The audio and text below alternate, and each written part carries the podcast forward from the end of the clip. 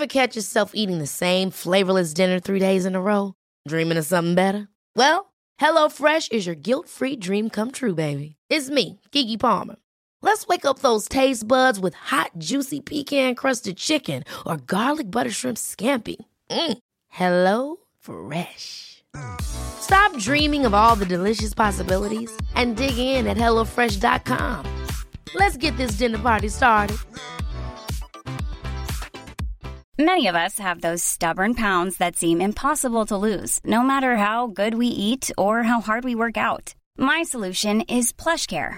PlushCare is a leading telehealth provider with doctors who are there for you day and night to partner with you in your weight loss journey. They can prescribe FDA-approved weight loss medications like Wagovi and Zepbound for those who qualify. Plus, they accept most insurance plans. To get started, visit plushcare.com slash weight loss. That's plushcare.com slash weight loss. Quality sleep is essential. That's why the Sleep Number Smart Bed is designed for your ever-evolving sleep needs. Need a bed that's firmer or softer on either side? Helps you sleep at a comfortable temperature? Sleep Number Smart Beds let you individualize your comfort so you sleep better together. JD Power ranks Sleep Number number 1 in customer satisfaction with mattresses purchased in-store. And now, save 50% on the Sleep Number limited edition Smart Bed for a limited time. For JD Power 2023 award information, visit jdpower.com/awards. Only at a Sleep Number store or sleepnumber.com.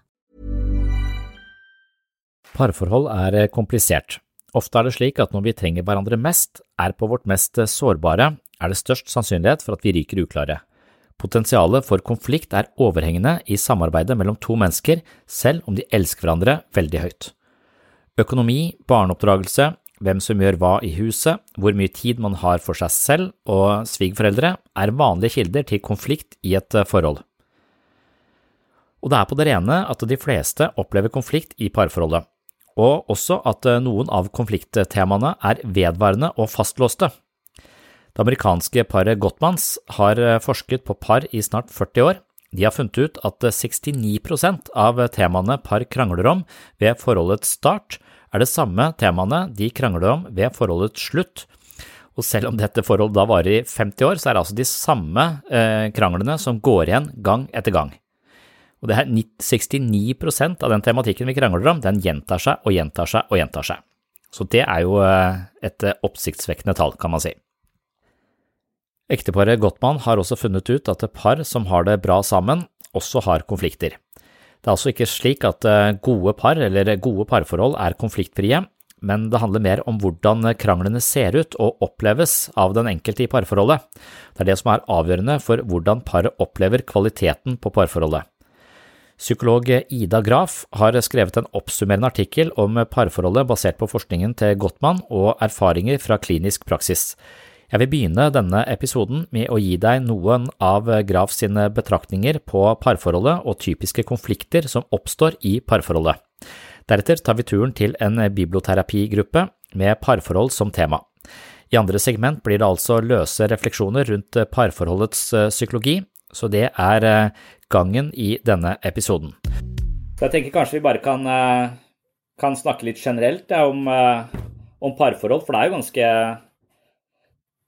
Det er jo veldig ofte relevant for de fleste, da. Eh, enten man er i et parforhold, eller man ønsker å komme inn i et parforhold, eller man har vært i et parforhold, eller Og noe av det jeg kanskje tematiserer der, er denne ideen om frihet og valgmuligheter som kan bli litt uh, problematisk for noen. At vi har en slags idé om at det å ha mange valgmuligheter og mye frihet er et uh, ubetinga gode.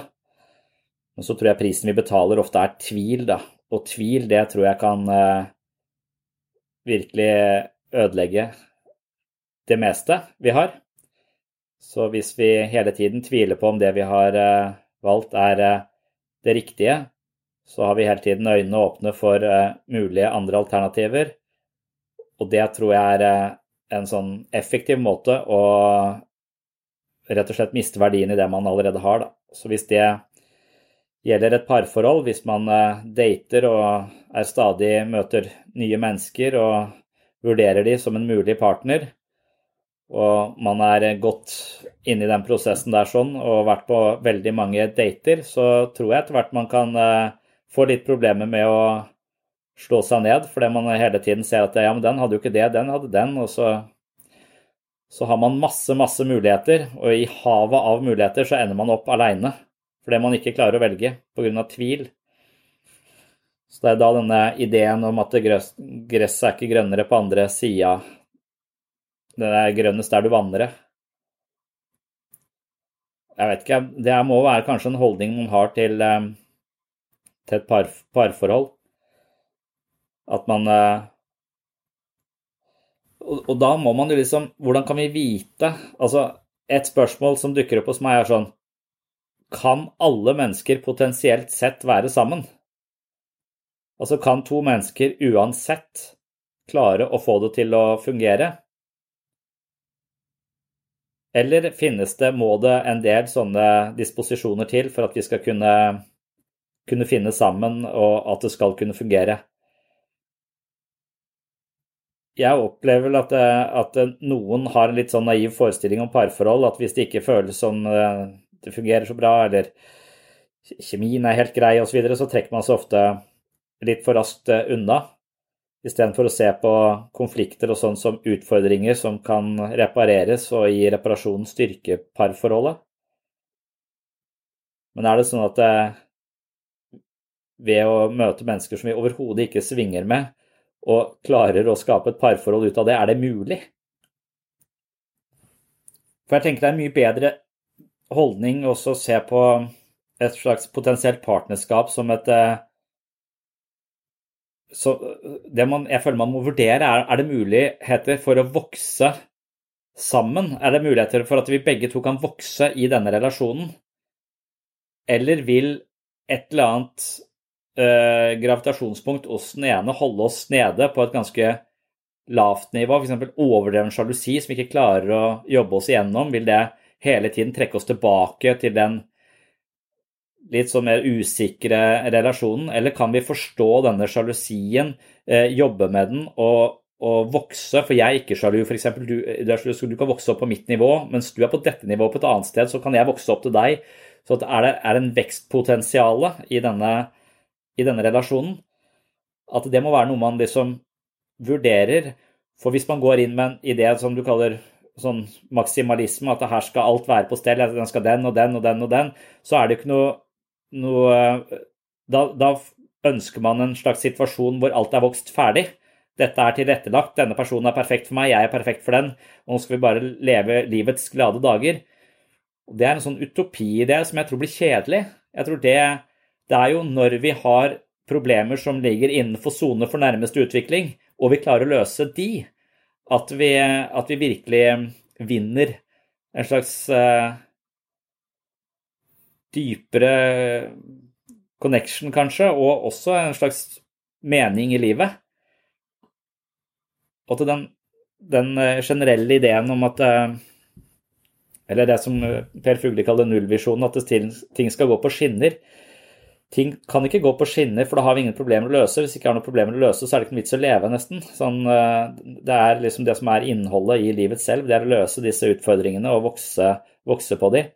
Men så må vi ikke ha så mange utfordringer at vi ikke klarer å løse dem, så vi bare overveldes og blir slått i bakken. Det er kanskje sånn man må se på et parforhold også, at man må tenke er det muligheter for å, for å vokse. Og i så fall så må man kanskje være litt sånn smart, da. Man må vite litt om eh, relasjoner. Man må vite litt om sine egne relasjonelle mønstre. Og jeg tenker at eh, Man sier ofte at det, når man er nyforelska, så er man ofte på sitt beste, for man er på sitt mest bevisste. Man er eh, ganske bevisst seg selv, man er ganske bevisst den andre. Og det gjør ofte at denne fasen fungerer veldig bra, at det er, veldig, det er en veldig god eh, relasjon. Men hvis man faller tilbake i litt mer ubevisste mønstre og ikke og skal vi si, partneren det, det, denne, dette partnerskapet er konsolidert, enten ved hjelp av at vi er samboere eller vi har gifta oss, eller hva som på en måte konsoliderer denne relasjonen, så går man litt tilbake til eh, sine hverdagslige mønstre, og så tenker at nå er den saken ferdig, istedenfor å se på det som, en, eh, som, noe som skal, man virkelig må vanne da, for at det skal vokse. Virkelig må inn i og hele tiden vedlikeholde og, eh, og utvikle. Jeg lurer på om det er en sånn feil idé også, at alt skal vokse. Altså, eh, det høres ut som sånn halvkapitalistisk idé at alt skal, skal vokse. Men jeg opplever at bevegelse er jo å forandre seg. At jeg, at jeg ser på det som en form for vekst. Og hvis du har et sånt kjempegodt forhold, så kan man hvile i det gode, gode forholdet og gjøre disse, disse, tingene. Men jeg tror liksom at det, du ser barn, det de driver med er jo å manipulere omgivelsene, prøve å finne ut av ting, finne ut av nye ting. Altså de er i bevegelse, det er en sånn nysgjerrighet. Så det å vokse er kanskje feil ord. altså Det, å være nysgjerrig på, uh, på nye muligheter. Uh, da er man på et veldig godt, på et godt sted. Og Når man da kommer i konflikt eller man går tilbake i noen sånne destruktive mønstre, være nysgjerrig på hvordan vi kan forstå de istedenfor å da kikke utover ja, jeg finner kanskje en annen partner, eller jeg flytter til et annet hus, eller jeg flytter til en annen by. Altså Man intervenerer veldig lett på utsiden eh, istedenfor å gripe de mulighetene som ligger på innsiden, eh, til en større forståelse, en større innsikt i hvordan vi, hvordan vi er sammen. Og så Rent sånn psykologisk sett så ser jeg vel på, på det å ha en, eh, en fortrolig da, i livet sitt. Det trenger ikke å være en ja, En som står oss nær, det må kanskje være en partner hvor man har inngått en eller annen form for kontrakt på at vi to skal prioritere hverandre høyt, og vi skal samarbeide i møte med livet. Og så skal vi eh, slippe litt billigere unna det på dagligvareforretningen, fordi dagligvareforretningen er lagt opp til at man er en husholdning på minst to, sånn at det blir jævlig dyrt å være aleine. Sånn at man, man, man, på en måte går inn med en sånn eh, at vi skal prioritere hverandre høyt. Og hvis jeg blir prioritert høyt av et annet menneske, og jeg prioriterer et annet menneske høyt, så tenker jeg på det som en veldig sterk objektrelasjon i meg selv. Det er som en bærebjelke som, som virkelig eh, jeg kan hvile i. Eh, og, og hvis jeg for jeg, for jeg ser liksom på meg selv som en slags dialogisk vesen, at jeg er bare full av masse relasjoner. Og så har jeg en tendens til å legge merke til de gode relasjonene, og så har jeg en tendens til å på en måte sile vekk eller glemme litt de, de dårlige relasjonene. Sånn at jeg er et slags konglomerat av mange gode relasjoner opp igjennom. Og usikre relasjoner som jeg også på en måte kan være nær fordi at jeg har så mange gode som, som veier opp rundt og løfter meg liksom og holder meg. Og da kan man se, Men selve bærebjelken er kanskje meg og hun jeg er gift med. Det er kanskje selve bærebjelken, eller meg mine foreldre er et, er et meg broren min er et. ikke sant? Som, de har mer eller mindre, de er, de er mer eller mindre I et hus så er, de, noen av, så er de bærebjelkene. Mens veldig mange andre relasjoner er tak og det er vegger og litt sånn forskjellige ting. Mens eh, det som holder hele huset oppe, er ofte de næreste, mest fortrolige relasjonene mine. Og da er spørsmålet hvis de svikter deg plutselig, hvis den næreste bærebjelken i huset ditt plutselig svikter deg, som i et samlivsbrudd, da, så kan man jo forestille seg at hele huset krakelerer på en eller annen måte. At, at det er en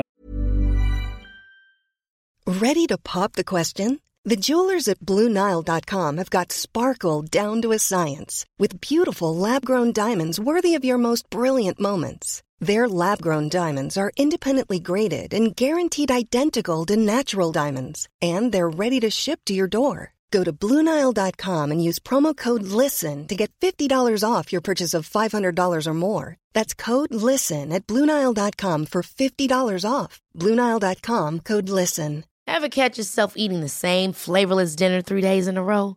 Dreaming of something better? Well, HelloFresh is your guilt free dream come true, baby. It's me, Gigi Palmer. Let's wake up those taste buds with hot, juicy pecan crusted chicken or garlic butter shrimp scampi. Mm. Hello Fresh. Stop dreaming of all the delicious possibilities and dig in at HelloFresh.com. Let's get this dinner party started. Hey, it's Ryan Reynolds, and I'm here with Keith, co star of my upcoming film, If, only in theaters, May 17th. Do you want to tell people the big news? All right, I'll do it. Sign up now and you'll get unlimited for $15 a month in six months of Paramount Plus Essential Plan on us. Mintmobile.com slash switch. Upfront payment of $45 equivalent to $15 per month. Unlimited over 40 gigabytes per month. Face lower speeds. Videos at 480p. Active Mint customers by 531.24 get six months of Paramount Plus Essential Plan. Auto renews after six months. Offer ends May 31st, 2024. Separate Paramount Plus registration required. Terms and conditions apply if rated PG. Ganske alvorlig situasjon. Man virkelig må jobbe med å med å reparere. Og da kan man jo også forestille seg at man, eh, at man Hvis man blir svikta, så vil denne objektrelasjonen plutselig få en helt annen karakter. Men hvis den, man mister vedkommende i død, f.eks., så trenger ikke nødvendigvis Da kan fortsatt bærebjelken være der, for det er meg og den andre. Den andre som jeg mista, er en del av mitt nervesystem, og det holder fortsatt huset mitt oppe, selv om vedkommende ikke er fysisk til stede. Eh, så at man kan se på det på, eh, på, på den måten. Og jeg tenker at det er i kraft av relasjonene jeg har til mine, eller mine mest fortrolige relasjoner, som er, hjelper meg å skape mening i livet. Og hvis ikke Og jeg, kamerater kan hjelpe meg å skape mening i livet når de er der, men de er liksom ikke så sentrale som de som står meg, står meg nærmest. Så det å leve alene, det ser jeg på som en ganske utfordrende Eller det å leve alene går helt fint hvis du har sterke bærebjelker, gode relasjoner til andre mennesker som du kan hvile i og bruke. Og når jeg tenker, når skal du satse på parforholdet? Du skal satse på parforholdet for å, for å eventuelt utvikle så solide bærebjelker at eh, du er trygg i all slags vær, på en måte. Du føler deg trygg i all slags vær. Dette huset her, det, det står. Du er som den grisen som lager eh, huset sitt av betong og murstein, og ikke masse små kvister. Jo, det er interessant. Jeg, jeg lurer på hvordan det vil se ut. Du, du, sier at på den ene siden så føler du at du må være i, på plass i deg selv for å kunne være åpen for et, eh, for et annet eh, menneske. Og Jeg snakket akkurat med en som var i denne konflikten. altså På den ene siden så, så opplever han at hvis han går inn i en relasjon, så blir han veldig sjalu som er en sånn egoproblematikk. ikke sant? Ego, Du føler deg usikker, og du vil prøve å kontrollere omgivelsene dine så ikke, du ikke mister dem. Så istedenfor å stole på at du er god nok, og at relasjonen holder, så vil du prøve å kontrollere den, og det blir en destruktiv relasjon. Og han liker ikke seg selv når han er i en sånn relasjon hvor han prøver å fange et annet menneske. Fordi egoet hans trenger denne relasjonen for å eksistere, og hvis du stikker av, så, så stikker du av med meg. Altså, jeg mister ikke, mister ikke bare deg, jeg mister også meg selv. Jeg mister mitt eget bærebjelken i mitt eget hus, på en måte. Man er fabrilsk på å holde, holde, dette fast. Så da velger man å ikke gå inn i en eh, relasjon for å unngå den desperasjonen. Og det, det, for meg så, uh, så syns jeg det er litt um, underlig, for jeg er ikke skrudd sammen sånn Eller jeg, jeg kjenner meg ikke igjen i det, for jeg hadde ikke jeg ville sett på det når jeg var veldig ung og usikker og trengte en å være sammen med som kunne bekrefte meg og var nesten desperat i den jakten der. Jeg kan godt kjenne igjen det. Så så kunne ikke jeg velge å ikke gjøre det. For det å være aleine, det var også veldig tungt å bære. Eh, så når valget står mellom å være alene, ikke ha noen som bekrefter deg, eller ha noen fortrolige relasjoner, kontra det å eh, jobbe med sin egen sjalusi i en relasjon, så det tror jeg hadde vært Jeg hadde gått for relasjonen. Jeg synes det er, det er På den ene siden så, så blir du for desperat når du er sammen med noen, og på den andre siden så mister du eller så, så, tåler du å være helt alene uten en, en nær relasjon. Jeg syns de to tingene høres ikke De høres You damned if you do and you damned if you don't.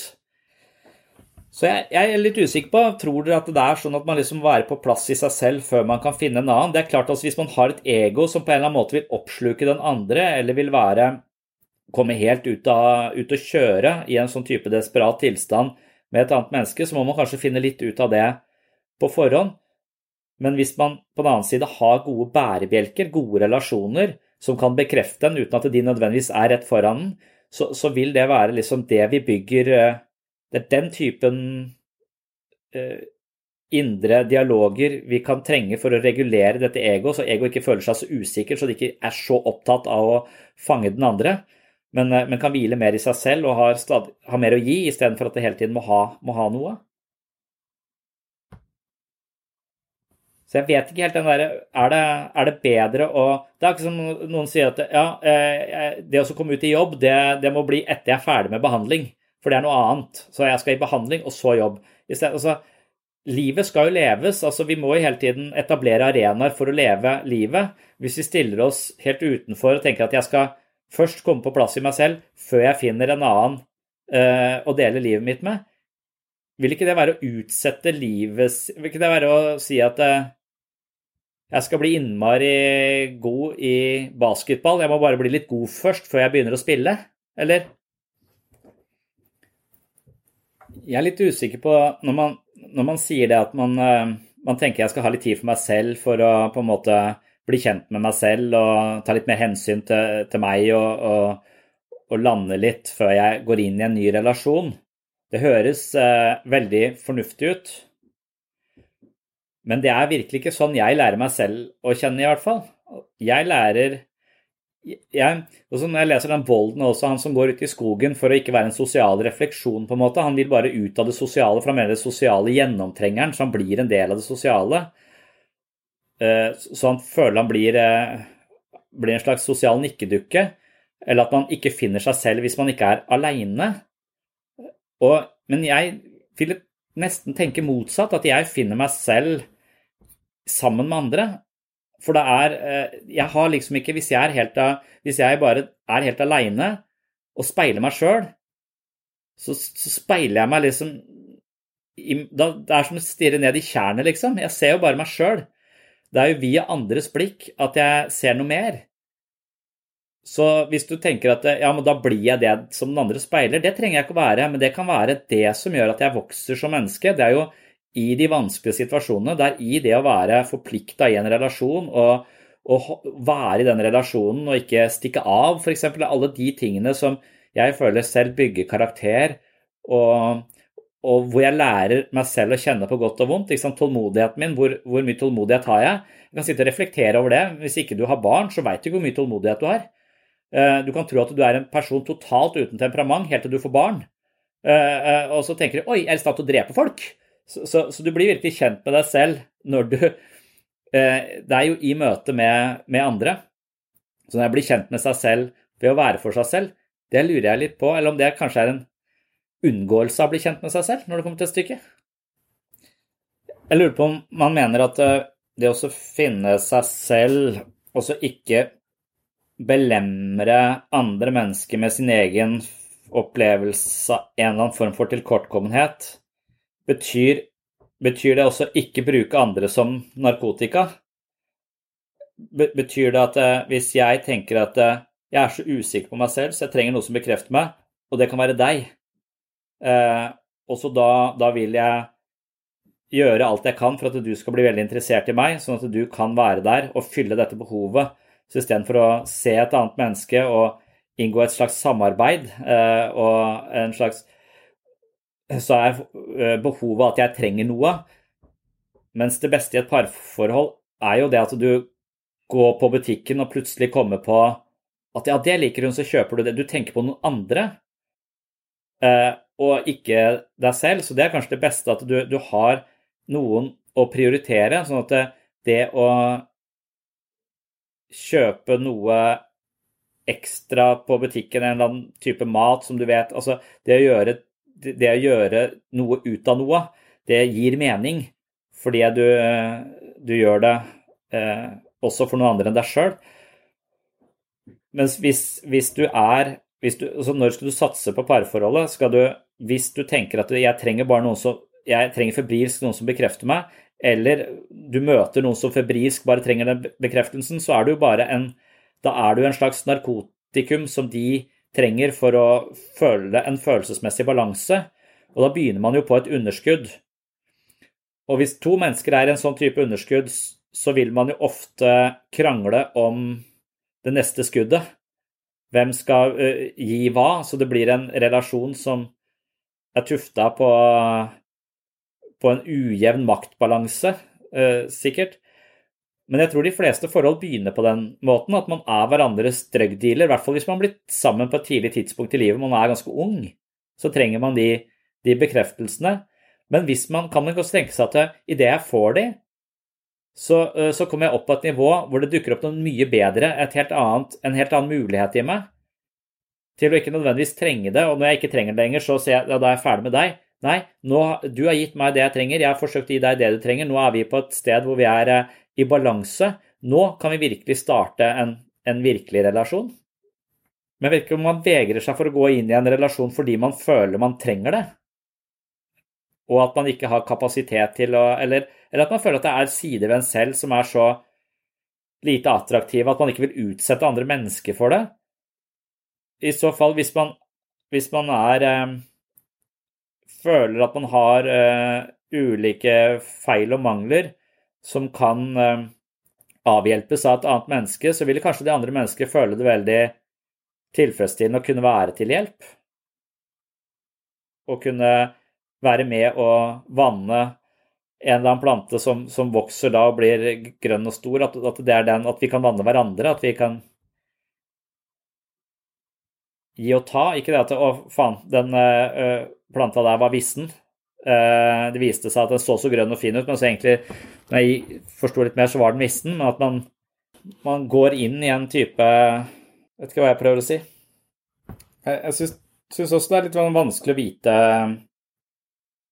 hvis man møter et annet menneske, så er det Man har et slags behov. Man er jo sånn dialogisk. Man trenger jo en slags uh, bekreftelse. Man trenger en uh, man, man, trenger andre menneskers anerkjennelse, og, og, det vi er mest redd for, er jo avvisningen. For avvisning sånn evolusjonært betyr jo at vi blir forlatt på prærien, og alle resten av flokken stikker av. Vi har verken vann eller mat, så vi, så vi, dør. Så avvisningen er jo det vi frykter, frykter aller mest. Og det vi trenger, er relasjonen. Men hvis vi har få gode relasjoner i oss og, og er desperat etter disse relasjonene, og man tilfredsstiller det behovet hos en annen, sånn at man, man blir en slags eh, budbringer av noe som personen trenger, og det kan være anerkjennelse og bekreftelse. Og hvis det er f.eks. å komme med vann og mat da, til den personen som det ikke vil være, men sånn psykologisk sett vann og mat, og ikke eh, presisere at jeg gjør dette nå sånn at du skal bli, eh, spise deg mett, så du kan bli sterk nok til å gå på butikken sjøl og hente det. Så, så, så lenge man eh, Så det er liksom det Fungerer man i en parforhold som en sånn type drugdealer, eller fungerer man eh, som en Klarer man å liksom se hvilke mønster man går inn i, for så å vokse videre? Kan vi liksom se at ja, vi ga hverandre det vi trengte, eh, og så gjorde vi hverandre selvhjulpne? Eller bare fortsatte vi et mønster hvor vi, hvor vi næret på hverandres eh, Eller mine svakheter ble ivaretatt av deg, og dine svakheter ble ivaretatt av meg, og, så, og sånn ble vi ikke sterkere. Vi bare forsterka hverandres krøplingssider, på en måte. Jeg tror, tror man liksom må, må, være ganske bevisst bevisst de tingene der sånn. At man eh, at man må vite litt eh, hvorfor, hva, hva, er det jeg søker etter. Og jeg tror, vi, jeg tror, kanskje da igjen så vil mennesker med ganske stor grad av selvinnsikt vil komme litt bedre ut, for de vil kanskje gjenkjenne sin egen motivasjon i større grad. Så er spørsmålet hva, hva, er jeg, hva, er det jeg, vil når jeg går inn i denne relasjonen? Hva er det jeg søker å oppnå? Hva slags transaksjon er dette her? Og hvis man er i en veldig, veldig god relasjon, så tror jeg man går inn uten en agenda. Jeg tror man er nyforelska, så har man en agenda om å bli likt, så man fremstår med sine beste kvaliteter lengst fremme. Men etter hvert som man er trygg på seg selv og er trygg i relasjonen, så dukker det opp eh, andre muligheter som ikke er så prangende og så spennende. For jeg tror den der maktbalansen, der liker du meg, liker du meg ikke, alt dette, dette ego-underskuddet, det er ganske dramatisk, det er ganske mye livskraft, det er veldig vitalt, det er veldig sånn sterkt, følelsesmessig sterkt. Men så tror jeg to mennesker som er i, rimelig balanse, at de, de sterke følelsene det, de, pendler ikke så mye. Så det er, det er roligere. Så istedenfor en slags konkurranse om oppmerksomheten og spenningen det inngir, så blir relasjonen mer meningssøkende. Så man går ikke inn med en, med en agenda. Og jeg tenker kanskje at det er litt det å være psykoterapeut, er å kjenne igjen Har den personen jeg snakker med nå, en agenda? Vil den personen at jeg skal se vedkommende på en bestemt måte, og så respondere på akkurat det personen sier, på den måten personen ønsker, for da føler personen seg litt bedre. Men i og med at dette er det spillet du kan, og det er sånn du søker, så er jeg drugdealer, fordi jeg gir deg akkurat det du trenger. Gir deg akkurat den bekreftelsen, du føler deg akkurat litt bedre. Eh, men eh, egentlig så har vi bare forsterket et avhengighetsmønster. Så jeg tror ikke veldig selv veldig var på å ikke tilfredsstille det som er åpenbart i situasjonen, eller det jeg opplever. Ofte vil jeg være veldig kritisk når jeg Og nå er det det du trenger, så da gir jeg deg det. Men hvis jeg gir deg det, så er jeg redd for at du ikke blir selvforsynt. Så nå må vi heller tematisere at det, det føles ut som det er det du trenger. Eh, men er det sånn du også for Med en gang du har en agenda i en relasjon, så ser du mer deg selv enn den andre, og det vil sannsynligvis skade relasjonen din på en eller annen måte. Så i et parforhold eh, så bør man nok eh, hele tiden Ja, det bør man nesten i alle relasjoner, da, være veldig bevisst. Hva er det jeg Hva slags transaksjon er dette? Er dette en genuin interesse for det andre mennesket, hvor vi sammen bare søker en større mening, eller er denne, det jeg sier nå, mest ute på å skape en beundring hos deg, så du kan like meg, eller synes jeg at jeg er smart, eller hva er det, hva er det som ligger bak dette her? Og Hvis man føler seg fanga i den andres spill, så, så, er det litt som å kontrollere speilet. Jeg vil at du skal speile meg på denne måten. Uh, og hvis ikke du gjør det, så føler jeg meg uh, svikta, og så blir det krangel osv. Istedenfor at når du speiler meg på en annen måte, og jeg ser at det, så, så er dette interessant for meg, for det kan jeg lære noe av. Dette var en av de korte bonusepisodene her på Sinnsyn. Målet mitt her er å servere noen tanker og lettbeinte poeng som du kan ta med deg inn i de neste dagene, gjerne i påvente av en ny fullverdig episode som kommer ut på mandag. Det du hørte her i dag er hentet som et lite utdrag fra mitt mentale treningsstudio. På Sinnsyns mentale treningsstudio finner du hundrevis av eksklusive episoder, videoforedrag, kurs og mentale øvelser fra sinnssyn. Som medlem på mitt mentale treningsstudio inviterer jeg deg på en reise langt inn i sjelslivets ubevisste avkroker. Gjennom trening kan vi styrke kroppen, men det finnes også mentale treningsformer som styrker psyken. Oppdag nye sider ved deg selv og andre mennesker med å laste ned Sinnsyn-appen og få et mentalt helsestudio rett i lomma. Appen kan brukes både med og uten abonnement, så den er gratis å laste ned. Sjekk den ut. Og hvis du vil eh, gå dypere ned i vårt psykologiske liv, lære deg meditasjon, yoga, teknikker for bedre søvn og investere i et eh, fysisk styrketreningsprogram i tillegg til mental vektløfting, kan du altså tegne et abonnement på Det mentale treningsstudio. Jeg vil påstå at det kan være en verdifull investering for din egen del, og samtidig vil et abonnement gi Sinnsyn verdifull støtte og muliggjøre produksjonen av denne podkasten. Det er på grunn av medlemmer av Sinnsyn at denne podkasten lever og oppdateres hver uke. Tusen hjertelig takk til dere som allerede er medlemmer, det er lyttere som dere som holder hjulene i gang her på Sinnsyn. Så hvis du vil høre denne episoden i sin fulle lengde, som gjerne ligger på rundt en time, så kan du laste ned Sinnsyn-appen eller gå inn på patron.com for segs sinnssyn. Du kan tegne et abonnement både via Patron eller via Sinnsyn-appen. Dette er imidlertid to forskjellige plattformer, så du må velge én av dem. Begge deler gir deg tilgang til mitt mentale treningsstudio. For å lokalisere episoden du har hørt litt av her i dag, så må du gå til premiummaterialet på Sinnsyns mentale treningsstudio og søke opp overskriften på denne episoden. Takk for følget, og på gjenhør i appen eller på Patron. Ha en fin dag, eller en fin natt. Oh, I'm just losing my mind, that's all.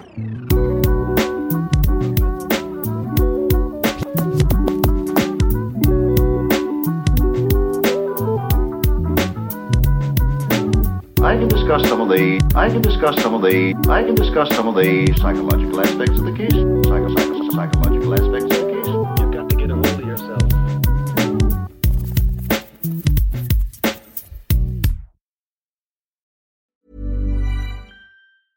Mom deserves the best, and there's no better place to shop for Mother's Day than Whole Foods Market. They're your destination for unbeatable savings, from premium gifts to show-stopping flowers and irresistible desserts. Start by saving 33% with Prime on all body care and candles. Then get a 15-stem bunch of tulips for just $9.99 each with Prime. Round out Mom's menu with festive rosé, irresistible berry chantilly cake, and more special treats. Come celebrate Mother's Day at Whole Foods Market. Hold up. What was that? Boring. No flavor. That was as bad as those leftovers you ate all week. Kiki Palmer here, and it's time to say hello to something fresh and guilt-free. Hello Fresh. Jazz up dinner with pecan-crusted chicken or garlic butter shrimp scampi. Now that's music to my mouth. Hello Fresh. Let's get this dinner party started. Discover all the delicious possibilities at hellofresh.com. Planning for your next trip? Elevate your travel style with Quince. Quince has all the jet setting essentials you'll want for your next getaway, like European linen, premium luggage options, buttery soft Italian leather bags, and so much more. and is all priced at 50 to 80% less than similar brands. Plus, Quince only works with factories that use safe and ethical manufacturing practices. Pack your bags with high-quality essentials you'll be wearing for vacations to come with Quince. Go to quince.com/pack for free shipping and 365-day returns.